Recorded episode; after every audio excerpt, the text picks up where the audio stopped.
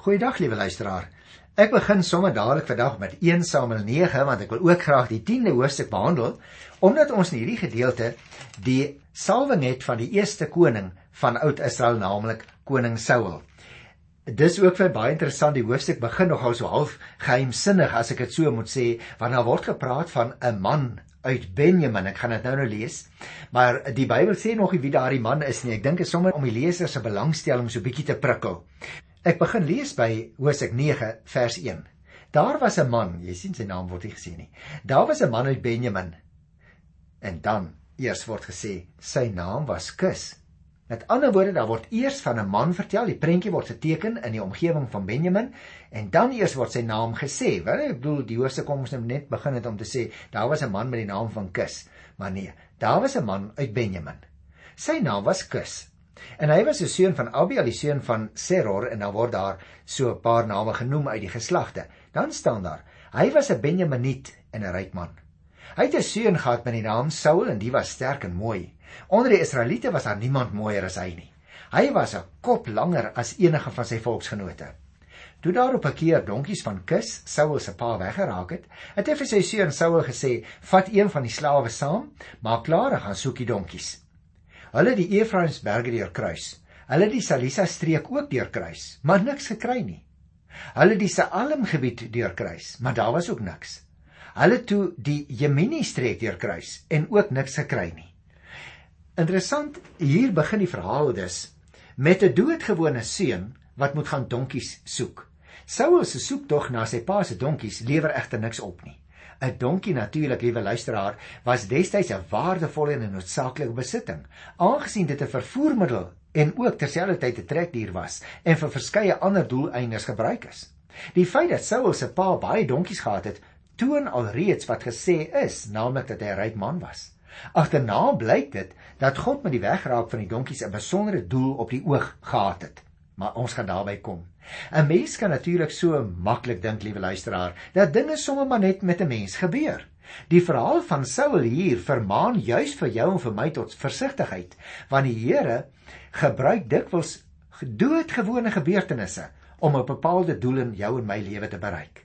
Daarom is dit verstandig om liewer alle situasies te beskou as moontlike geleenthede wat die Here skep om 'n belangrike ding in jou lewe te laat waar word sy dit positief of soms ook 'n negatiewe situasie wat kan ontstaan.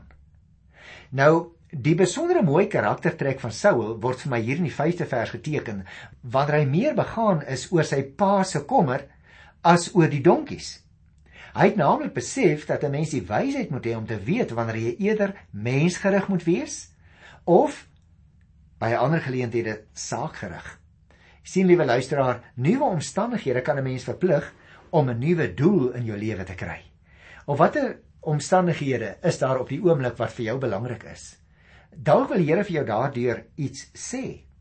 Ons gaan nou ook 'n belangrike ding lees hier in die 6ste vers. Luister 'n bietjie. Die slaaf sê toe vir Saul: "Nee, wag. In hierdie stad, nou let net mooi op, is 'n man van God." Weer interessant.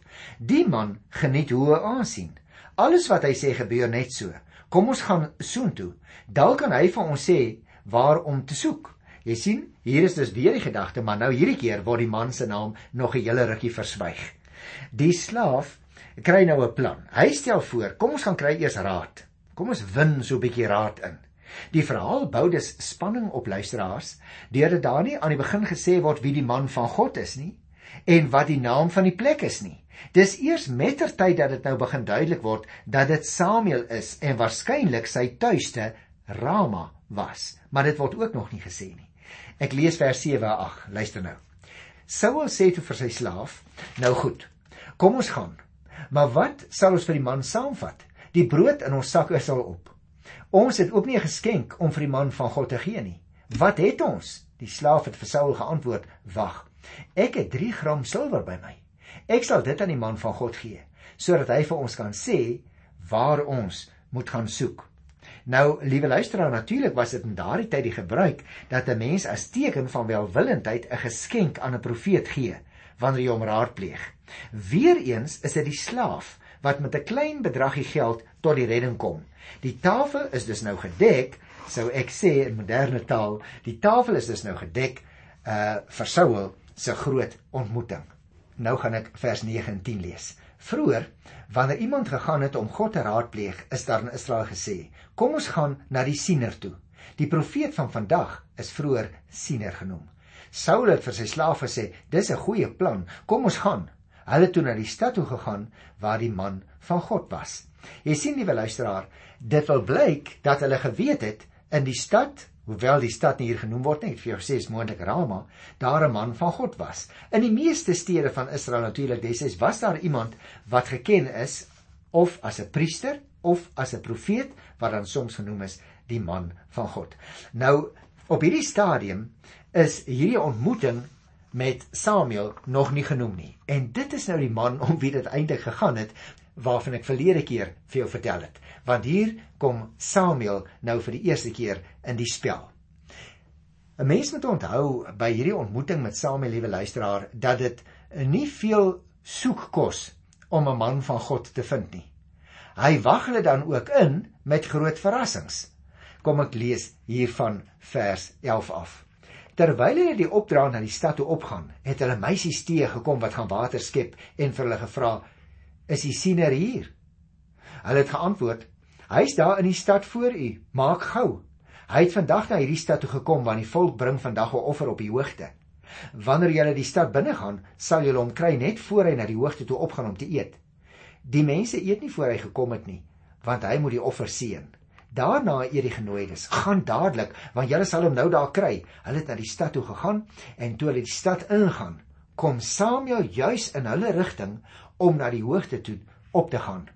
Nou luisteraars, stede moet ons onthou, is destyds ter wille van die verdediging bo op heuwels gebou, sodat 'n mens teen die hoogte moes uitgaan om by die stad te kom. Die waterbron van die stad was gewoonlik 'n fontein of 'n put net buitekant die stadsmuur en gewoonlik het die vroue en die meisies daar gaan water haal. Maar hulle gee dan nou ook vir Saul raad en inligting met betrekking tot wat hy soek, naamlik die profeet. Luister vers 15 en 16. 'n Dag voor die koms van Saul het die Here vertroulik aan Samuel geopenbaar. Môre teen hierdie tyd sal ek 'n man uit die gebied van Benjamin na jou toe stuur. Jy moet hom tot regering oor my volk Israel salf. Hy sal my volk red uit die mag van die Filistyne, want ek het op my volk ag geslaan. Ja, hulle hulpgeroep het my bereik. Interessant, né, wat ons hier lees. Want Saul sou natuurlik nie kon weet nie dat die verloop van sake eintlik alreeds alles gereël was deur goddelike beskikking. Samuel het hom eintlik veringewag.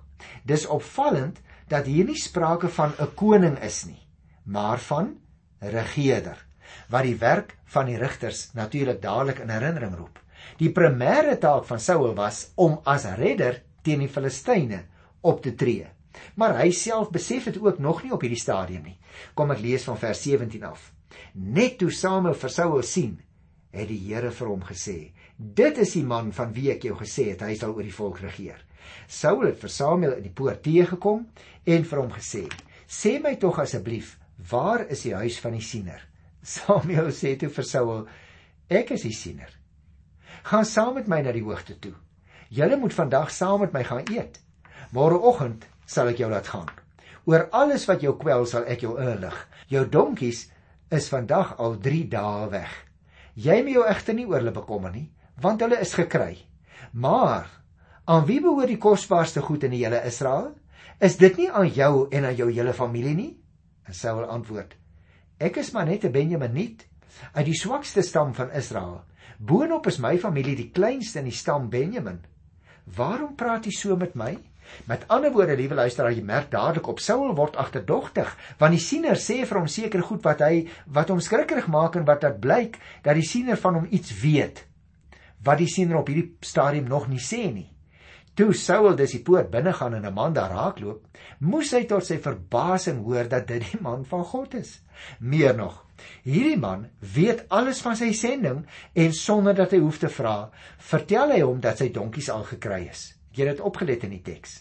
Maar toe maak die man van God, soos wat Saul hom genoem het, volgens Saul een foutjie. Ek wil dit in aanhalingstekens sê. Hy praat asof die hele Israel aan Saul behoort, terwyl hy eintlik maar die onbekende persoon is uit 'n onbenullige stam. Jy sien ek kan verstaan dat dat Saul by homself dink, maar hoe weet hierdie man seker goed? Ah, maar nou het ek hom uitgevang, sê Saul vir homself. Ek is eintlik onbenullig. En hierdie man dink ek kom uit 'n baie belangrike uh, familie in die land. En daarom as ons nou hierso so 'n paar verse lees van vers uh, 27 af. Hulle het gegaan tot by die stadsgrens. En Samuel het vir Saul gesê: "Beveel die slaaf om vooruit te loop. Maar wag jy eers sodat ek jou kan vertel wat God gesê het." Jy sien luisteraars, hier uh, uh kom dit nou eintlik na vore waarvoor Saul na daardie stad toe moet gegaan het en hy dit self nie besef nie. Die Here se hand was in die in die feit dat hy soontoe gegaan het, maar nou kom hy agterkom hier is iets geweldigs aan die gebeur. Met ander woorde, tot Saul se verbasing is hy self die eregas aan die tafel en 'n spesiale porsie toe hulle gaan sit om te eet wat vooraf daarvoor voorberei is, word aan hom opgedis.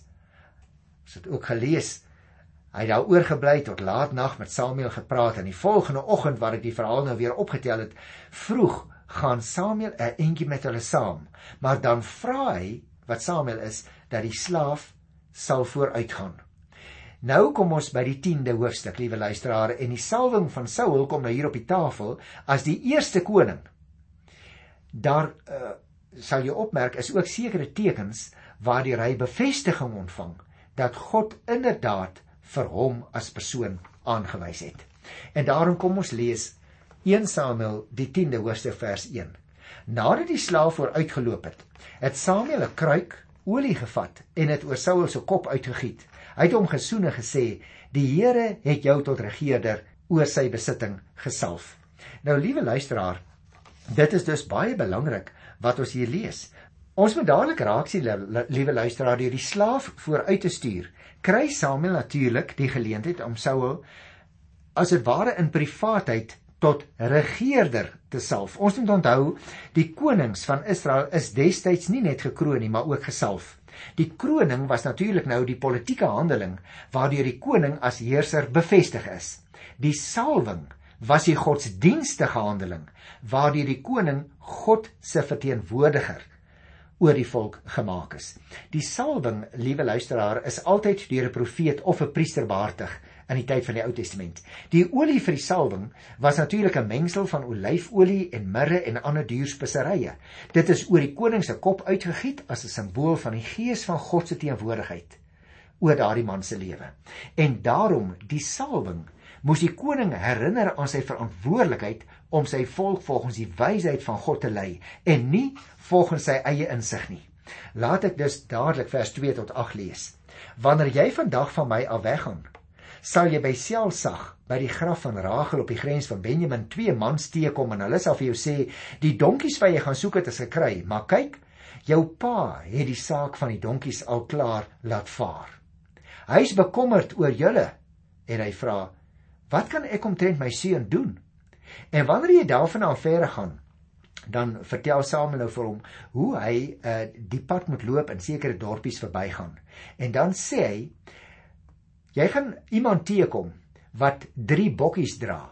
Die ander een sal 3 ringbrode en die derde 'n kruik wyn dra. Hulle sal vra hoe dit met jou gaan. Dan sal hulle jou 2 brode gee en jy moet dit van hulle aanneem. Daarna sal jy uitkom by Gibea van God waar wagposte van die Filistyne is. En wanneer jy die stad inkom, Saul, sal jy op 'n groep profete afkom.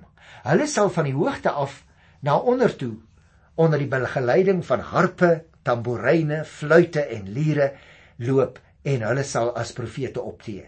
Dan sal die gees van die Here kragtig in jou werk. Jy sal met hulle as profeet optree en jy sal 'n ander mens word. Wanneer hierdie tekens oor jou kom, moet jy doen wat jou hand vind om te doen want God is by jou. Daarna moet jy voor my na Gilgal toe gaan en ek sal later kom om die brandoffers te offer en die maaltydoffers te bring. Jy moet 7 dae wag tot ek by jou kom. Dan sal ek jou sê wat jy moet doen. Nou dis 'n wonderlike klomp inligting wat Samuel hier vir hierdie jong man Saul gee. Het jy opgemerk Samuel kondig 3 tekens aan wat as die bevestiging en die bemoediging vir Saul sal dien. Eers sal hy boodskappers van sy pa teekom. Hulle gaan vir hom sê jong jou pa soek nie meer na die donkies nie. Hy het eintlik al die donkies vergeet. Hy soek na jou. Né? Dis die eerste teken. Die boodskappers van sy pa. Daarna sal hy drie persone ontmoet wat bokkies en brood en wyn dra met die oog op 'n offerande. En hulle sal dit dan vir Saul gee. Die laaste teken, so sê Samuel vooruit vir Saul wat hy gaan teekom is dit. Laastens sê ek vir jou, Saul, jy sal ekstatiese profete teekom. Dan sal die gees van God oor jou ook kom sodat jy self ekstatiese handelinge gaan uitvoer. En dit sal dan vir hom die teken wees dat God by hom is. Met ander woorde, liewe broer en suster, ek sal later weer met jou daaroor praat. Hierdie sogenaamde ekstatiese profete is mense wat onder besondere en spesifieke leiding van die Heilige Gees optree. Hulle is besig om onder begeleiding van harpe en tamboeryne as profete op te tree sê die 5de versie vir ons. Maar die belangrike punt is dat dit op hierdie stadium nie om die profete gaan nie. Dit gaan oor die feit dat Saul tekens gaan kry sodat hy kan weet hy is die koning wat gesalf is. Kom ons lees so 'n bietjie hier van vers 9 af verder. Net toe hy omdraai om van Samuel af weg te gaan, het God Saul se gesindheid verander. Al hierdie tekens het op die dag uitgekom. En dan word nou vertel daardie drie tekens wat Samuel vir hom gesê het wat gaan gebeur. Die Gees, liewe broer en suster, is natuurlik nie 'n mag los van God nie. Wat die Heilige Gees doen, dit is eintlik iets wat God doen. Die tekens kom in omgekeerde orde as wat dit genoem is in vers 6. Die eerste ding is Saul se gesindheid het verander en hy word 'n ander mens. So word dit uitgedruk daar in vers 6b. En vervolgens tree hy tot die verbasing van die mense wat vir hom geken het as profeet op onder die kragtige werking van die Heilige Gees. As jy dit sou lees daar in vers 6a. En dan dit het gelei tot die ontstaan van 'n baie bekende spreekwoord in Oud-Israel. Is Saul ook onder die profete? Want jy sien, liewe luisteraar, wie die seun van Kis geken het, sou hom beslis nie by die profete verwag het nie. Die verwysing dus na die seun van Kis laat 'n mens dink aan iemand uit die omgewing soos dit daar staan aan die herkoms van die groep profete.